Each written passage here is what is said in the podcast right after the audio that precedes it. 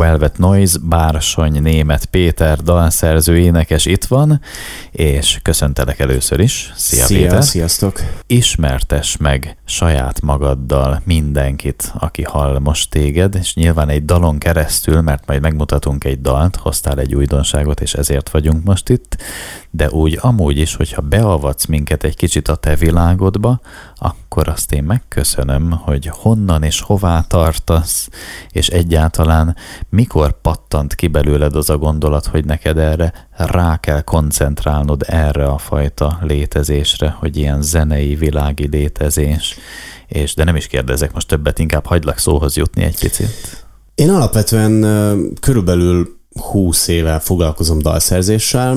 Volt különböző, tehát voltak korábban zenekarok, viszonylag nagy számban, és projektek, amiben ugyanebben a titulusban, és általában egyébként billentyűsként működtem közre.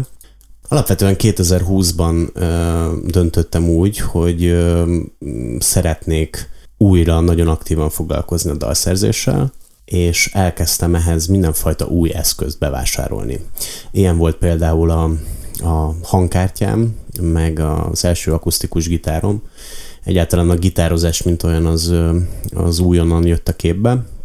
És ami még szintén újdonság volt, az az, hogy angol nyelven születtek valahogy teljesen magától értetődően dolgok, ami korábban egy, egyáltalán nem volt jellemző és azt éreztem, hogy ebből, ebből egy, egy egész lemezanyagot össze lehetne akár pakolni, és akkor fogtam magam és fölkerestem Tövisházi Amrus producert, akivel már nagyon-nagyon régi vágyam volt együtt dolgozni, és ez, a, ez az együttműködés létre is jött.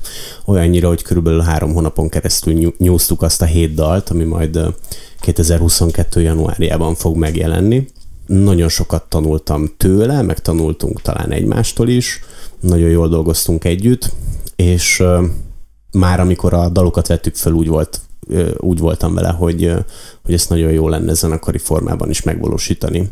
A daloknak a világa az egy ilyen, én alt-art popnak szoktam címkézni, tehát az alternatív art pop, ami, ami popzene, de ilyen kicsit ilyen indis, különutas popzene, elég változatosak a, én azt gondolom, hogy a dalok, tudod, van ez a szituáció, amikor az ember első lemezt csinál, akkor lehetősége van még nagyon eklektikusnak lenni, mert sok idő eltelik a, a, az előtte lévő évek, amikor, amikor még nem létezik a projekt, akkor sok idő van arra, hogy így kiszelektálja az ember azokat a dolgokat, amik, amik hosszú távon bennmaradnak a repertoárban, meg azokat az ötleteket, amik aztán tovább élnek, és emiatt így a stílus is mm, elég változatosan tud megszületni. Tehát valahogy így indult ez az egész, és aztán össze is szedtem a zenész barátaimat, és, és összeraktuk, összeraktuk a dalokat most arra már, és akkor a Füles Bagoly Tehetségkutatón indultunk nyáron, és azt sikeresen meg is nyertük. Nagyjából itt tartunk, hogyha most ilyen nagyon, nagyon uh-huh. mini karriertörténet, karriertörténetre vagy kíváncsi egyelőre, és akkor a, a, az újdonság az igazából az, hogy, hogy, hogy hivatalosan is megjelent maga, maga a projekt, egy első single és videoklip formájában. És amit majd meg is mutatunk, most csak az villant be nekem, hogy 2020-ban indultál el másféleképp, mint ahogy korábban, ugye? Igen. De előtte leállás volt, vagy előtte mi volt előtte? Tehát ott az, e- mert egyébként már nagyon régóta foglalkozol ilyesmivel, foglalkoztál mindig, foglalkoztál, foglalkoztál, és aztán jött egy szünet, vagy egy váltás, vagy egy törés, vagy... Igen, valami ilyesmi, jó helyen kapizsgálsz, valami ilyesmi történt. A, gyakorlatilag egy nagyon, nagyon tipikus sztori az enyém, tehát gimnázium végén, egyetemi évek alatt nagy hévvel zenekart csinál az ember, és aztán valahogy ezekkel, a, ezekkel az ő barátaival a, a kapcsolat kicsit fellazul, mert mindenki egy kicsit elmegy Erasmusra ide, egy kicsit beindul a felnőtt élete, valahogy én is, valahogy én is inkább a, a színpad túloldalán találtam magam az utóbbi, most már hat évben foglalkozok zenei szervezőként koncertekkel és egyéb zenei eseményeknek a, a, a szervezésével, és egyébként a zeneipar különböző területein tevékenykedem, És akkor valahogy ez így le is állt.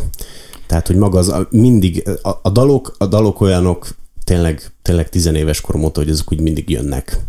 Tehát egyébként van, van a fiókban egy másik, egy teljesen más koncepciójú e, projekt is, de valahogy az is így, az is akkor is a, a fióknak készült el, és sem időm, sem energiám, sem ötletem nem volt arra, hogy ezt hogyan valósítsam meg.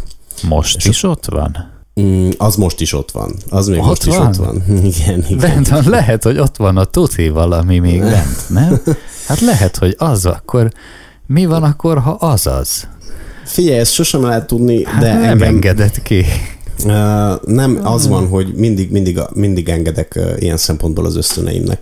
Tehát, hogy én hiszek abba, hogy a, ami, ami az előadót vagy a, a dalszerzőt éppen mozgatja, és amit, amit meg akar mutatni, és ahogy, meg akarja mutatni, ez mindig pont jó időben történik, akár, akár tuti, ahogy te fogalmaztál, akár nem tuti, de, de, de engem mindig az érvényes, érvényes közlés izgat és izgatott, tehát mindig, a, mind, mind, mindig addig izgalmas számomra valami, ameddig engem is, engem is izgat.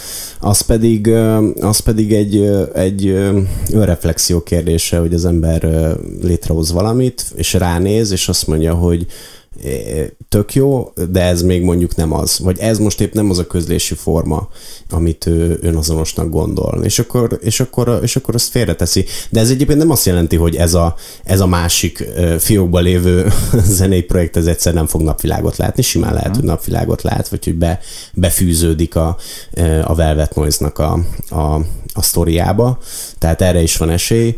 Saját magamtól simán lopok, tehát hogy ezzel, ezzel, ezzel nincsen, nincsen fenntartásom, de, de azt hiszem, hogy ennek e, ez pont így, ennek pont így kellett történnie.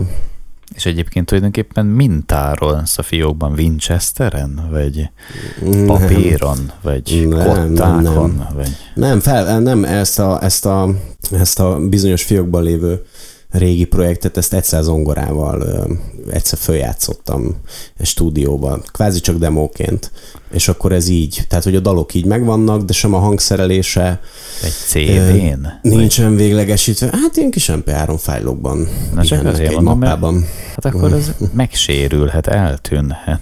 Van másolat róla? Van, van, van, van. Ja, igen, de tényleg van? Tényleg van. Hát meg, meg tudod, ez manapság ez olyan, hogy akinél elkészíted, annak is van róla másod. Azt egy hiszed, hát előbb-utóbb törlődnek, vagy nem? Hát nem tudom.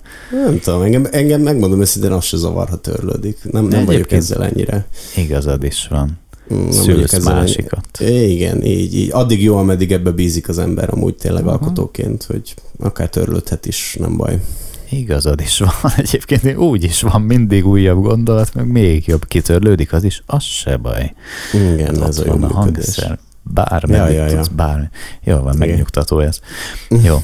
Na, de akkor most tényleg azért jöttünk össze, hogy megmutassuk az új dalt, és akkor ezzel kapcsolatban meg tulajdonképpen meg füles, bagoly, meg minden, meg klip, meg jöjjenek még nyugodtan a gondolataid, mert aztán egyszer csak indul a és már itt sem vagyunk adásban, úgyhogy meg aztán közelgő live session, koncert lesz. Igen, igen, ez a, ez, a, ez a két dolog most, ami fontos. Az egyik, a, ez a bizonyos dal és klip, ez a Number Ones, ez egy, ez egy elég friss megjelenés, és ez Pluhár Attila barátom készítette erre egy nagyon, szerintem nagyon jól sikerült videoklipet.